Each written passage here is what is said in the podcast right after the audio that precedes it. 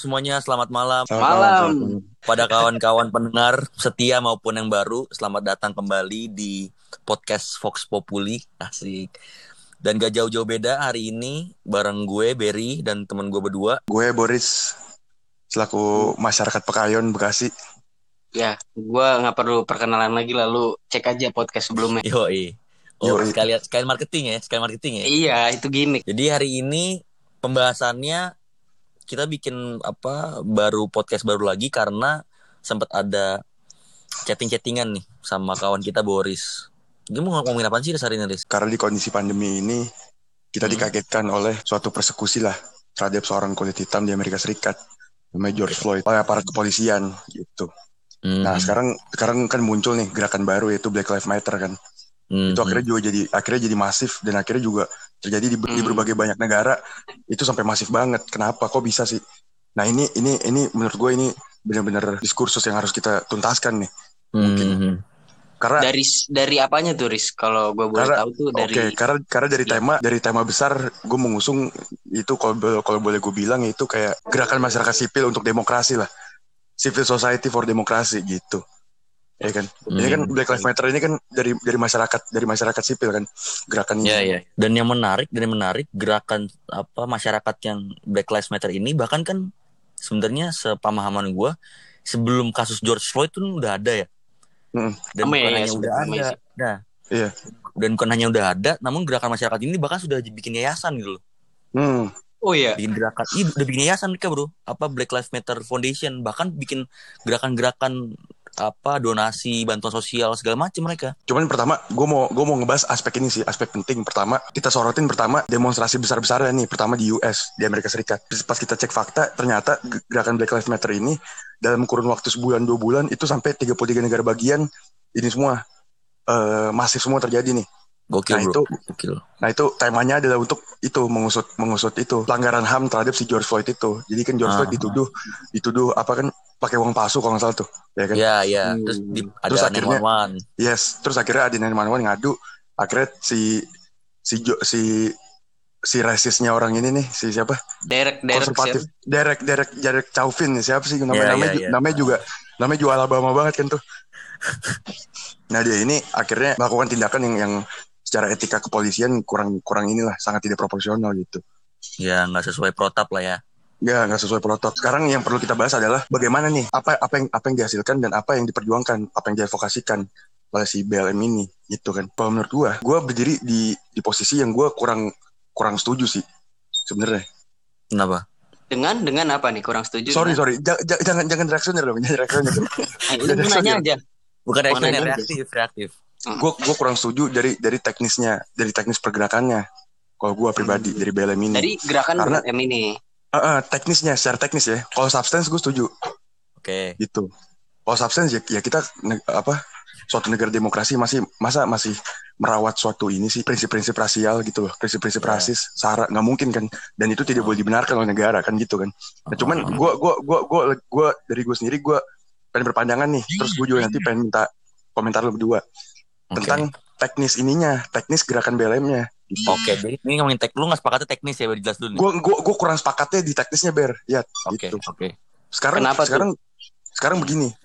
Pertama yang gue sorotin dari BLM adalah mereka ketika mereka berunjuk rasa, pertama nggak ada nggak ada tuntutan yang jelas gitu loh, nggak ada tuntutan yang jelas, Kenapa? nggak ada tuntutan yang jelas menurut gue. Jadi mereka bener-bener kayak rakyat, murni pengen rakyat kalau gue lihat, ngerti nggak lo tuh? Jadi jadi imbasnya ke mana-mana, jadi ke looting, looting, arson, Oke. pembakaran segala macem. Gue kurang setuju aja sebenarnya.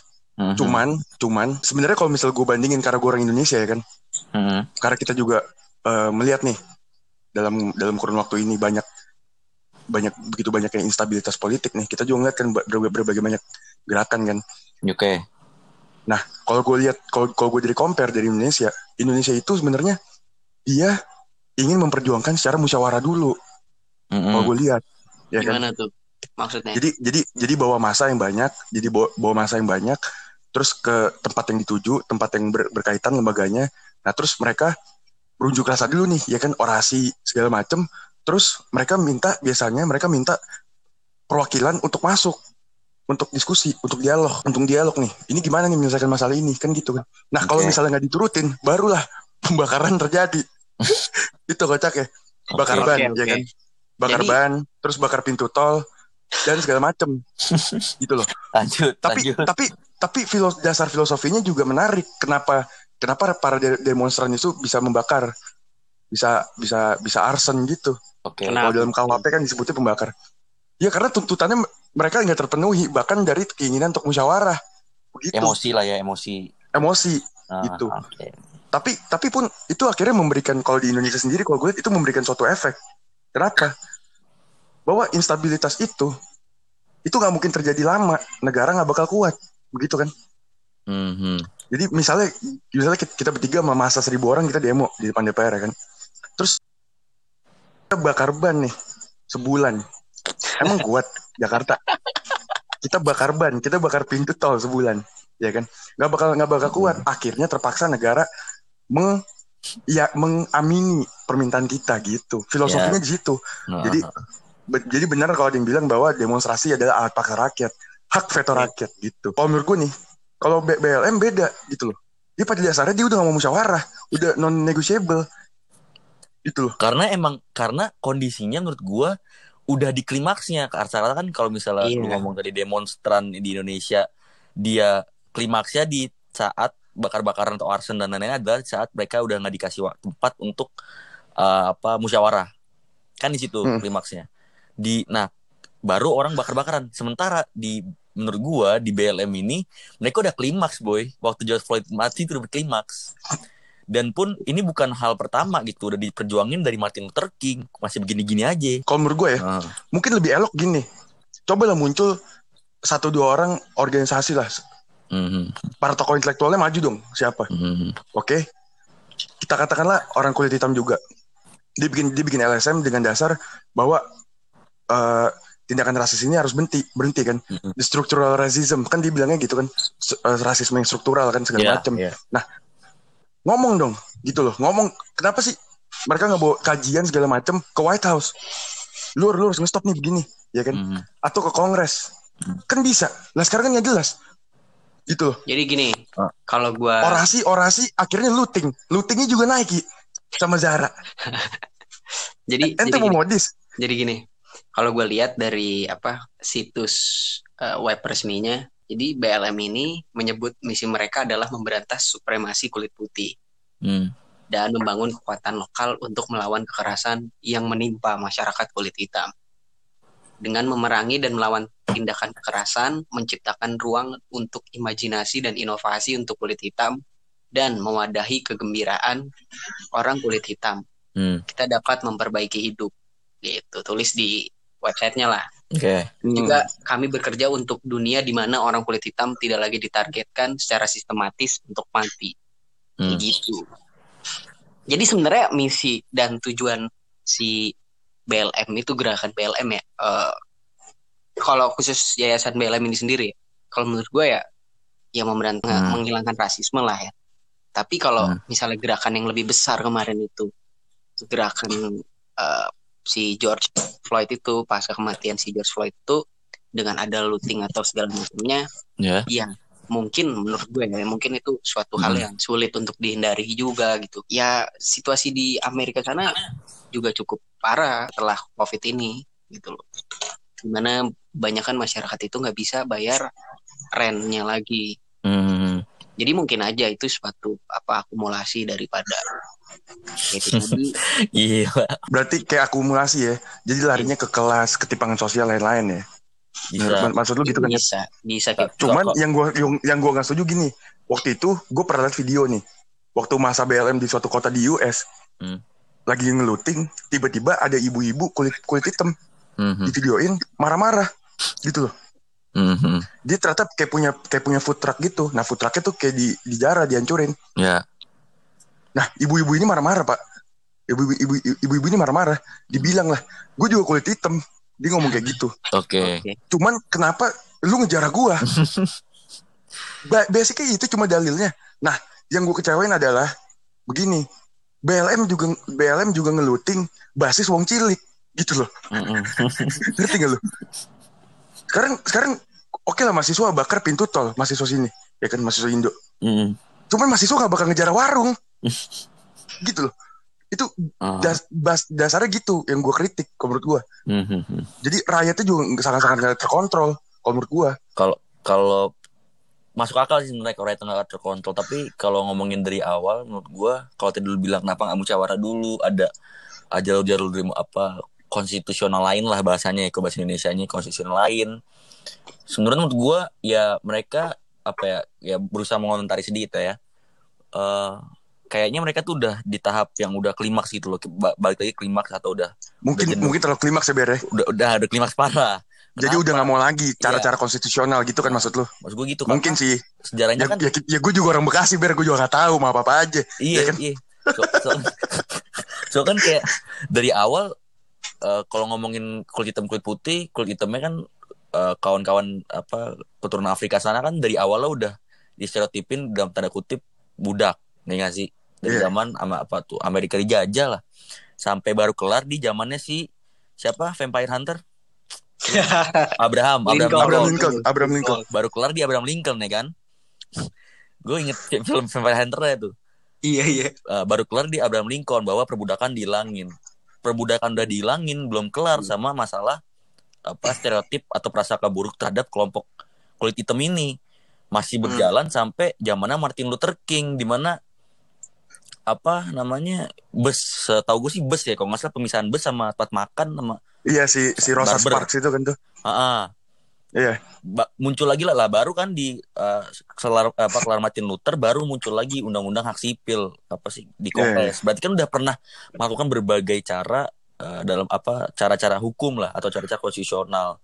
iya iya iya Tapi sampai Gagal 2000 terus lah, ini ya kan? masih aja. ah, ah. Nah, gua rasa iya iya iya klimaksnya itu ya gue juga nggak membenarkan riot, tapi pun di Twitter gue banyak lihat yang riot bukan cuma kulit hitam terhadap kulit putih kalau bilang nggak kewong tweet segala macam. Kawan-kawan dari kulit putih juga banyak yang riot. Maksudnya yang ngeluting segala macem. iya iya Jadi iya, mu- iya. menurut gue ya, spontan aja mereka kayaknya mau pengen ya udah gue pengen ancur-ancurannya sekalian. mungkin gitu kali ya Ah, terus kayak mungkin bener kayak Dayat kan kata Dayat juga ngomong tadi bahwa ya mereka lagi masa corona ya sekaligus gue nggak punya duit ya gue ambil aja rusuhnya daripada gue rusuh cuma ngancurin kan gue masukin kantong iya iya iya Jadi ternyata ini ini ini bagian keren dari BLM sih. Ini keren menurut gua. Jadi tapi ada juga yang gue kritik.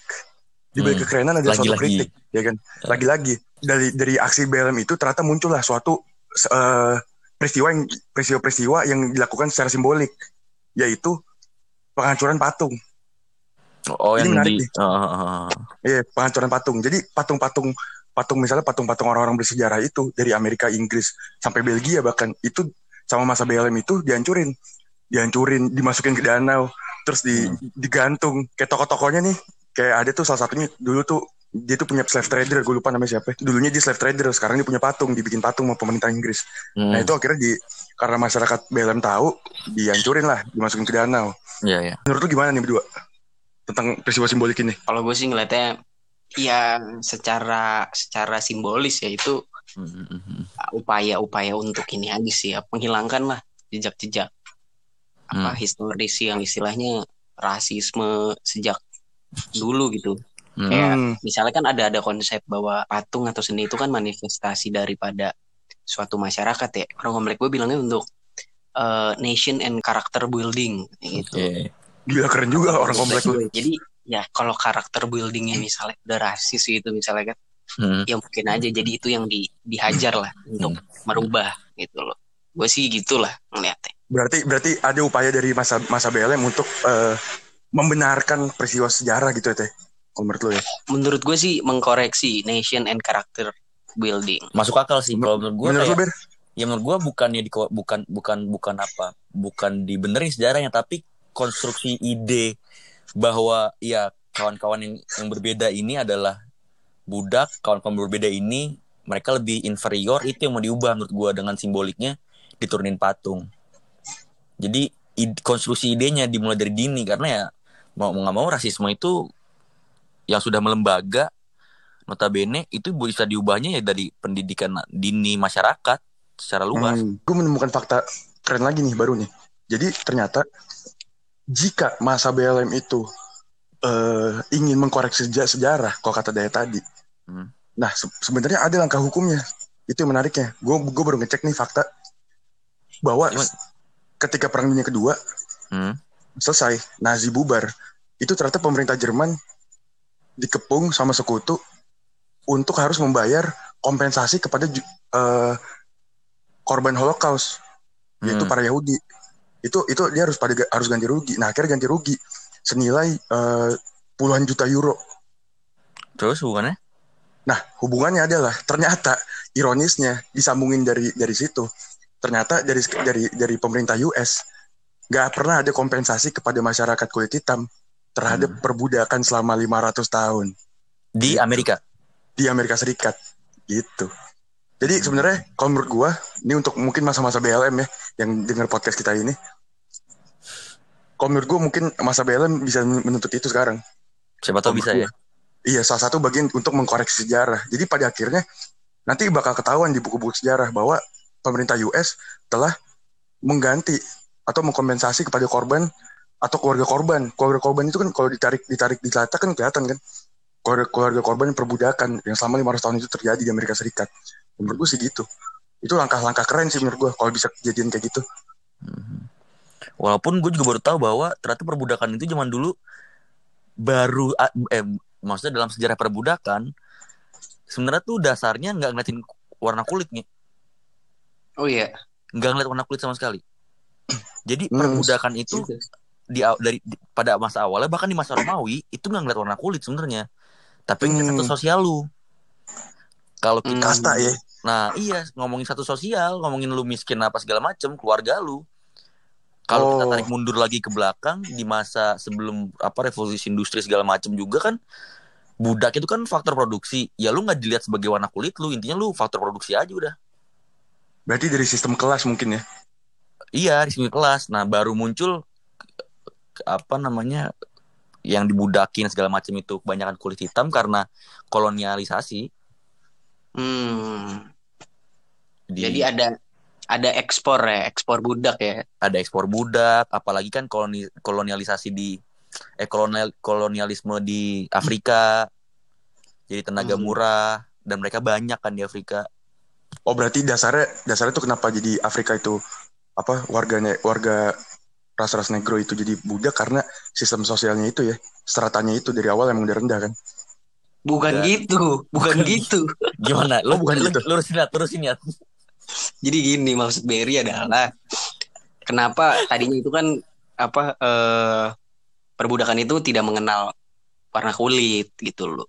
Tapi Ya, terus? kenapa akhirnya jadi kebanyakan yang diasosiasikan sebagai budak itu masyarakat kulit hitam karena itu hadir dengan dengan itu tadi kolonialisme di Afrika gitu. Jadi ada tarikannya ke sana. Hmm. Iya. Nah, Iya, iya, iya. sekarang kalau kita ngomongin kan udah lewat perbudakan, terus ngomongin rasis. Kalau kita ngomongin, sebenarnya gue apa mikir juga, oh iya rasisme di Amerika ngomongin Black Lives Matter. Di sana terhadap kulit hitam.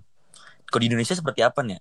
Gitu loh. Terus sejak kapan? Kalau di Amerika oke, rasisme udah ada dari eh, Abraham Lincoln, eh, dari mereka ada kan ada perbudakan. Kalau Indonesia sejak kapan ada rasisme? Gue boleh jawab ya. Cuman ada data baru nih Hmm. dari seseorang nih, ya kan? Hmm. Dia bilang dia Mister dia dia ngatin dia ngatin grafiknya bahwa ternyata gerakan BLM itu di di digoreng jangan digoreng deh mengikan di di disebarin lagi nih. Disebarin lagi nih. Ah, BLM ini ternyata periodik. Buat jatuhin si Trump. iya mungkin lu bisa ngomong gitu lah cuman periodik dalam arti begini. Ternyata BLM itu pernah udah kan tadi lu bilang udah lama tuh ya kan? Nah terakhir sebelum sebelum sebelum gede ini pas 2016 tuh diinin lagi. Disebarin lagi. Pernah di kampanye BLM ini iya. Artinya 2016 Mhm. itu kan waktu itu kan election kan kalau nggak salah Amerika Serikat Hmm. nah sekarang kan 2020 ini kan mau election lagi nih Hmm. Tapi lu, nyadar, lu udah nyadar gak sih kayak apa ngomongin Bel- Black Lives Matter gini bahkan sampai perusahaan-perusahaan komersil di Amerika bahkan dunia tuh berani lo menyatakan sikap politiknya. Iya, iya. Hmm, Itu keren sih. Gila itu loh. keren, itu Menurut gue gila loh. itu mah terpaksa aja terpaksa lah. Sekarang sekarang masa-masa BLM masa-masa ini kan uh, millennials kan yang mana pada pakai produknya. Uh-huh. Sekarang kalau kagak kalau Uh. kalau nggak kalau nggak ngikutin ini kampanyenya mau diluting. mau Nih, diluting lagi. bahkan Sebenarnya- nih, nih bahkan ya nih nih ba- nih sorry nih gue foto dikit nih intermezzo bahkan gue pernah baca headline di berita L'Oreal itu ngilangin kata whitening pak. Iya gak usah segitunya juga kalau menurut gua mah. Jadi kocak aja, ya kan? Ya krim, ya, Kenapa ya ya? gimana Kenapa ya? ya? Ya, gua- udah dah, gua gua gak mau komen deh. Kalau yang itu ber, males gua. Jadi kalau ya? kalau kalau menurut lu Riz kan apa bukan menurut lu ya lu lu dapat suatu data bahwa si masa BLM ini periodik lah. Itu sebenarnya sama aja Riz kayak di sini. Karena Bener. menurut gua ada sesuatu yang belum Hmm. kelar. Eh, Di sini juga setiap mau pemilu rame masalah HAM masa lalu ya kayak gitu aja sama Iya. aja. Bener bener, setuju gua, setuju gua. P- PKI PKI lagi. Iya, iya gitu aja karena emang belum selesai terus jadi Cuman, Jadi- cuman, cuman ini aja. dari sudut mungkin ya kalau boleh gue balas pragmatisme politik, ya kan? Mungkin nggak yang mengkampanyekan sesuatu isu nggak mau isu itu kelar juga? Gue ngomong jujur aja deh, ya kan? Ditiara gitu ya. Ya mungkin, bener nggak? Kalau menurut lo? Dari yang Bisa udah-udah deh. Bisa jadi, Bisa jadi, itu, kan? itu itu itu terlalu gosip tapi. Ya, ya deh, Iya, jangan gosip deh. Bu- bukan cuma terlalu gosip, terlalu dark. Jadi jadi mungkin jadi mungkin memang benar kampanye kampanye BLM ini memang eh, suatu suatu agenda agenda politik dari berbagai macam kelompok politik juga di sana gitu loh. Mm-mm. Mungkin ya. Dan pun, pun kalau gue ngomong kalau kita konotasi periodik itu buruk bagi gue kalau masalah BLM bagus malah ya terus-terusan aja ada gerakan-gerakan Black Lives Matter biar terus terpiara lah biar nggak pernah ada lagi rasisme-rasisme kayak gitu. Kalau gua nggak sepakat, Ber. Kenapa? Harusnya ya semoga aja gerakan ini cepat kelar. Karena kalau dia masih ada kan masih ada rasisme dong. Iya. Ya, Iya. loh. Tapi kan kalau misalnya rasisme sudah selesai, bukan berarti nggak boleh ini dong. Sebagai pengingat pernah loh. Tetap dijaga loh. Ya boleh dia kalau jadi Oh, apa jadi silaturahmi boleh. Jadi forum silaturahmi dong. Ya, biar ada alumni BLM. Ada reuninya gak tuh? Ya. Ada reuninya. Ya. Lu alumni reuni. Ya. Gimana ya? Tadi lu kayak pengen ngomong ya. Aduh, jadi gak fokus. Tapi eh, yang gua tunggu sih sebenarnya dari kemarin itu kan ada ada wacana ya katanya mau defund ya. Mm. Kepolisian di mana di Nah, itu tuh menarik tuh, Ed. di negara bagian tersebut lah, ya kan. Nah, sebenarnya gue pengennya sih hal-hal yang terjadi saat ini di di di sana gitu atau di belahan bumi yang lain itu bisa jadi suatu ini pak jurisprudensi lah atau Hmm. misalnya pendekatan baru dalam dalam eh, sikap daripada misalnya otoritas terhadap gerakan sipil gitu loh. Kalau dulu misalnya kita Hmm. punya punya apa eh, konsep Miranda rules gitu terus tiba-tiba jadi apa? Jadi di di diambil gitu loh di di masyarakat Indonesia juga kan dalam kuhap. Nah, gue juga ngelihat nih maksudnya eh, apa yang bisa diambil oleh bangsa Indonesia dari gerakan-gerakan tersebut gitu loh. Gue pengennya sih Hmm. ya lebih lebih lebih lebih bagus kalau di Indonesia cocok nih untuk ini sih menuntut apa reformasi misalnya institusi kepolisian atau jaksa atau hukum lah secara secara Mm-mm. secara masif gitu loh. Karena kan kurang lebih sama lah. Kalau di sana kan akibat rasisme yang triggernya adalah si kepolisi eh, polisi tersebut ya kan. Kalau di sini sempat rame juga kan gara-gara apa kasus siram-siram menyiram itu ya kan terus Papua Oh, oke. juga segala macem Hmm. gitu loh. Maksud gua ya ada sesuatu dong yang bisa kita ambil. Ya gue berharap Iya. aja ada gitu. Mm-mm. Apa ya kira-kira Mungkin yang bisa kita ambil dari BLM ini? Masyarakat civil society-nya Indonesia lah. Menurut lo apa? Ya belum tahu gua tapi ada Kalau beberapa kalau yang kalau substansi pastilah. Ya kan, ya kita tidak di negara modern gini, masa masih Ada. mempertahankan rasisme kan? ada Yang ada, lain dong, yang- ada beberapa hal yang mirip sebenarnya Eh, kayak jadi kenapa gue sempet sempet nonton lah kenapa jadi eh, kepolisian di sana sangat represif banget lah sama orang-orang kulit hitam jadi salah satunya adalah di sana itu kayak kepolisian negara bagian itu punya punya suatu kursus lah kalau nggak salah ya ini gue gue rada, rada Hmm. lupa juga suatu kursus kayak bentuk nah jadi mentornya itu emang dan materinya di situ emang uh, salah satunya adalah menganggap setiap uh, sesuatu itu sebagai ancaman jadi harus diminimalisir dulu lah Hmm. ancaman tersebut Hmm. gitu loh itu itu satu ya. itu satu jadi banyak banget emang eh, para murid seminar lah Berarti ada simposium atau seminar lah yang ditanemin tuh praduga bersalah gitu ya. iya praduga, iya ber- iya praduga bersalah dong justru.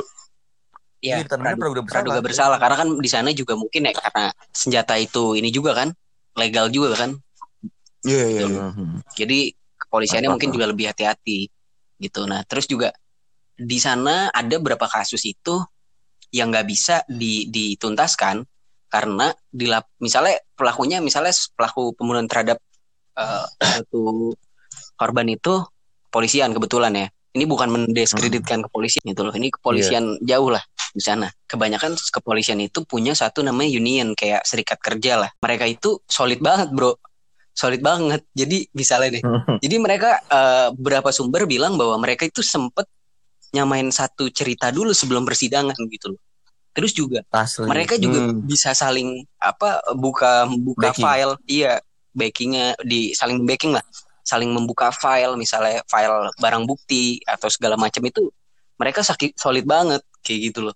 Jadi Hmm, guyup. iya bener. Jadi emang bener sis- sistemik juga kalau kalau kata mereka kan kayak gitu. Kalau di sini kan yang terjadi nyiraman kemarin kan kasus siram menyiram itu kan? Mhm. yang nyiram polisi ya kan yang disiram juga mantan polisi ya kan lawyernya polisi solid juga sih sebenarnya solid cuman solidnya gue bingung juga kenapa begitu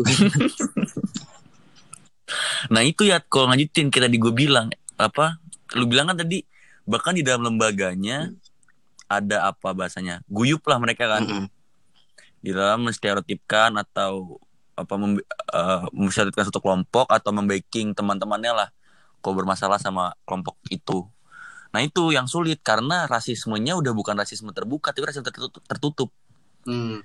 gue tuh baca di Nat Geo bahwa eh, si peneliti eh si penulis itu ngomong bahwa ada dua rasisme rasisme terbuka yang ngelibatin yang ngelibatin interaksi antar individu kelompok itu gunain kekerasan psikologis maupun fisik sama tertutup yang terlembaga Ngeri dalam bentuk ya. kebijakan norma stereotip atau sistem Hmm. Nah itu yang sulit yang tertutup itu loh. Contohnya kayak ngomongin eh, ada ras tertentu yang males atau ada tertentu atau ya Pelit males gitu ya. tertentu pelit. Nah itu yang sulit. Rasisme tertutup kayak gitu tinggal lembaga Heeh. yang jadi norma berkembang dan lain-lain. Apa dia bikin guyup-guyupan gitu kan buka file kan ngering. Kalau udah cerita lu kan buset dah. Iya Udah kayak ini bagian KJUN gak? Kalau gua pahamin ya di Indonesia, kalau kita ngomong rasisme, kalau di Indonesia setelah gue baca-baca, gue dapat bacaan juga dari apa Republika, dia ngomong bahwa penulis di Republika ini ngomong bahwa rasisme itu di Indonesia belum pernah ada sebelum Belanda datang. Hmm. Sebelum Belanda datang rasisme belum ada. Karena kepala-kepala pelabuhan tuh nggak ngelihat siapa pun lu. Mau lu kulit hitam, kulit putih, orang mana, orang mana, nggak dilihat. tapi perbudakan udah ada belum ber Nah itu beda, kayaknya perbudakan ada deh, karena kan udah mulai ini kan perdagangan Mm-mm. di pelabuhan-pelabuhan pasti datang dong yang dari Arab atau dari mana. bawa budak lah ya Kemungkinan besar gitu budak segala macem. Tapi kalau ngomong rasisme, arti kan ya dalam bentuk inilah rasisme dalam bentuk diskriminasi. Mm. Itu baru muncul waktu ada Belanda. Hmm, Berarti iya. orang Eropa Eropa yang ngajarin nih. Bisa dibilang abang-abangan nih sono mas. dan kalau Abang-abangan kalau orang Eropa. kalau gue lihat itu juga bentuk rasismenya bisa dibilang tertutup juga loh waktu zaman Belanda ya Hmm. dengan adanya apa eh, RV HIR RBG ya kan Hmm, hmm, hmm. gitu loh. Apaan tuh bang? jadi ya apa eh, acara perdatanya gitu kan dibagi-bagi lagi tuh diklasifikasikan misalnya orang Iya. Eropa ya kan terus eh, Berarti Timur hukum Jauh, perdata ya? kan. Hukum Iya, perdata ya? terus di bawahnya baru pribumi bumi putra dan segala macam Hmm. Hmm. Bahkan kalau bukan hanya ngomongin hukumnya bahkan apa namanya organisasi organisasi pergerakan Indonesia di awal itu banyak yang rasis Oh iya, gimana tuh gimana? di Republika tuh dia ngomong bahwa SDI organisasi Syarikat Dagang Islam Oke. itu kan tujuannya lawan model ekonomi Tionghoa di awal perintisan jadi ya rasis terhadap orang-orang Tionghoa Itu menurut lu bentuk bentuk rasis ya? Bentuk rasis ya? di di, di Republika ini Oke. bahkan waktu dia jadi SI waktu berubah nama menjadi Syarikat Islam dilaporkan tidak mau menerima warga dari Hadramaut Oh, Hadramaut tuh orang-orang Timur Tengah Jadi murni murni apa? Orang Indonesia lah SI itu. Nah iya, berarti kan kalau dia ngomong berjuang melawan model ekonomi Tionghoa, berarti orang Tionghoa Islam, tapi Tionghoa nggak bisa masuk dong. Iya, bisa jadi, bisa jadi. Iya sih? Tapi mungkin karena itu, karena politik divide impera yang ada di Kawah Perdata yang kata Dayat itu, Ber. Itu efeknya begitu. Mm, mm, mm. Mungkin aja dulu bener-bener kan pada waktu itu di India Belanda kan kondisi jangan pribumi deh, bumi putra kan udah parah banget mungkin, ya kan? Mm. Jadi mungkin eh, hal itu justru mungkin terdengar rasis, tapi justru untuk meningkatkan taraf ekonomi juga bagi orang Indo, Indo gitu loh, Ya ya ya. ya kan? Karena Iya, mungkin, karena mungkin setahu gua, setahu gua mungkin kalau nggak salah eh, golongan Tionghoa sama Timur Tengah itu enak dengan adanya itu kawah perdata, kondisinya enak dia, nggak kayak jadi paling bawah itu seratannya sistem ekonomi berdasarkan kawah perdata Belanda itu emang emang sangat memarginalkan bumi putra gitu loh. Ada juga yang bilang kan sistem kepercayaan atau doktrin yang menyatakan bahwa perbedaan biologis yang melekat pada ras manusia menentukan pencapaian budaya atau individu bahwa suatu ras tertentu lebih superior dan memiliki hak untuk mengatur ras yang lain. Mhm. Kalau dalam konteks bersaing itu misalnya SD itu itu bisa dibilang rasis nggak? Gua rasa sih enggak ya. Enggak ya. Lu? Karena udah ngomonginnya bukan dasar ras, tapi dasar karena ekonomi, ekonomi ya. udah Dan modal. persaingan itu Ah, persaingan ekonomi. persaingan ekonomi itu bisa dibilang sehat lah ya. Kecuali untuk masuk ke dalam persaingannya harus ras tertentu. Nah itu baru. Karena Hmm. mungkin gini sih, karena mungkin karena mungkin basicnya itu kenapa dia menandingi Tionghoa dan golongan Timur Tengah. Kalau karena memang ada ketentuan itu kan di Kawah Perdata. Jadi mengacunya pada situ gitu loh. Jadi Oh, menurut pembagian bisa itu, di- pembagian Uh-uh. itu. karena ada itu kecuali nggak kecuali ini nggak ada nih ya kan ketentuan ketentuan di Kawah Perdata go, semua Ah. golongan sama tiba-tiba ini Guyup aja begitu. dia. Da- uh-uh, berarti bisa tergolong rasis lah Serikat Dagang Islam pada waktu itu. Tapi cuman kan Oke. dia mengacu kepada Kawah Perdata itu ya yang pasal pembagian golongan itu.